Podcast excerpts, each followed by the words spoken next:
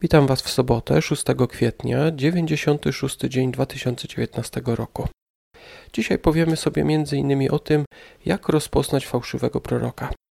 Zapraszam Was do wysłuchania kilku moich komentarzy odnośnie rozdziałów do przeczytania na dzisiaj. Księga Kapłańska, rozdział 6. Mamy tutaj różne przepisy co do ofiar, które składali kapłani. W zasadzie nie znalazłem żadnego wersetu, który byłby ciekawy dla mnie, żebym mógł go skomentować. Przejdźmy zatem do księgi Nehemiasza. Nehemiasza, rozdział 6. Czytamy tutaj o ukończeniu muru. Przeciwnicy, żeby przeciwdziałać temu, wysłali listy, a potem posłużyli się nawet prorokami. Nehemiasza 6:12 mówi tak: Przeniknąłem bowiem, nie Bóg go posłał, lecz on wypowiedział to proroctwo o mnie, ponieważ go przekupili Tobiasz wraz z Sanbalatem.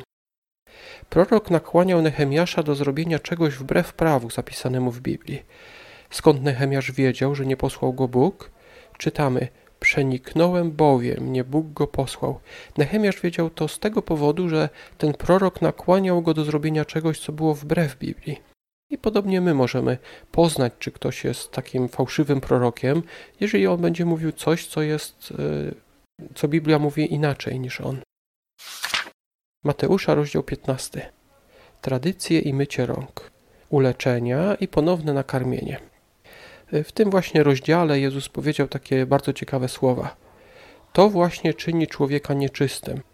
W tym rozdziale Jezus powiedział o tym, co wychodzi z naszych ust, to właśnie czyni człowieka nieczystym.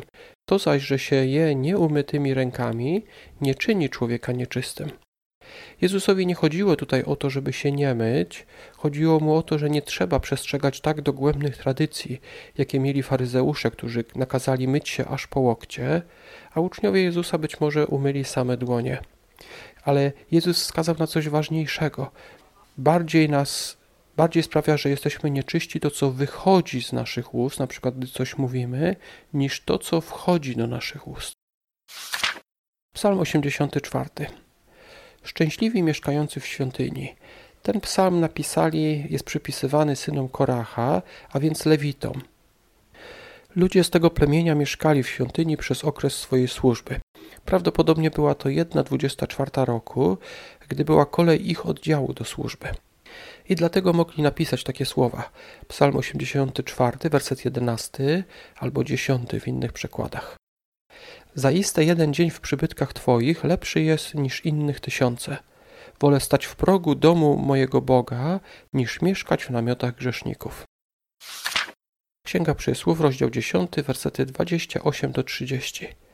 Sprawiedliwy nie runie na wieki, grzesznicy na ziemi nie trwali.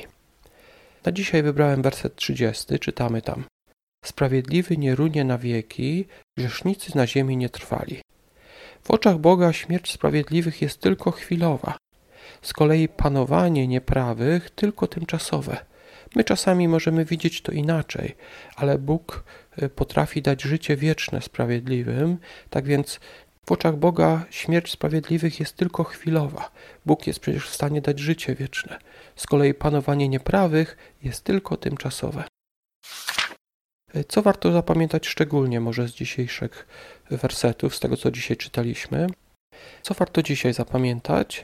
Myślę, że szczególnie to, jak rozpoznać fałszywego proroka. Możemy go rozpoznać po tym, czy mówi zgodnie z Pismem Świętym. Ja dziękuję Wam za wysłuchanie. Zapraszam do kolejnego odcinka jutro. Do usłyszenia.